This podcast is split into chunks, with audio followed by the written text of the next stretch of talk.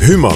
Bedvogels. We nemen je mee door tijd en ruimte op zoek naar de drijvende krachten achter seks. Nou, je kan bijna niks openslaan of het gaat over seks. Seksuele kung fu. Men zag het als een functie van het lichaam en als een nood die gelenigd moest worden. Oh jee. Als je nou kijkt naar het Westen, dan zie je, wat ligt men eruit? De seks, alleen de erotiek. De seksgod. Twaalf jaar hebt geleerd dat niemand aan je billen of aan je buik mag zitten. Is dat natuurlijk een hele dubbele boodschap als dat opeens daarna wel mag, tot op zekere hoogte. Zoenen. Is dat vreemd gaan? Pornografie is gewoon een mixed blessing. Traditioneel is seks heel doelgericht. Drukken. Vingeren, sjorren. Strelen. Als je iemand op bezoek kreeg, een goede vriend, nou dan kon dat rustig eindigen in een potje met elkaar vrijen. Bedvogels. Vanaf 14 februari 2017 via iTunes of je podcast-app. Of ga naar www.human.nl slash bedvogels.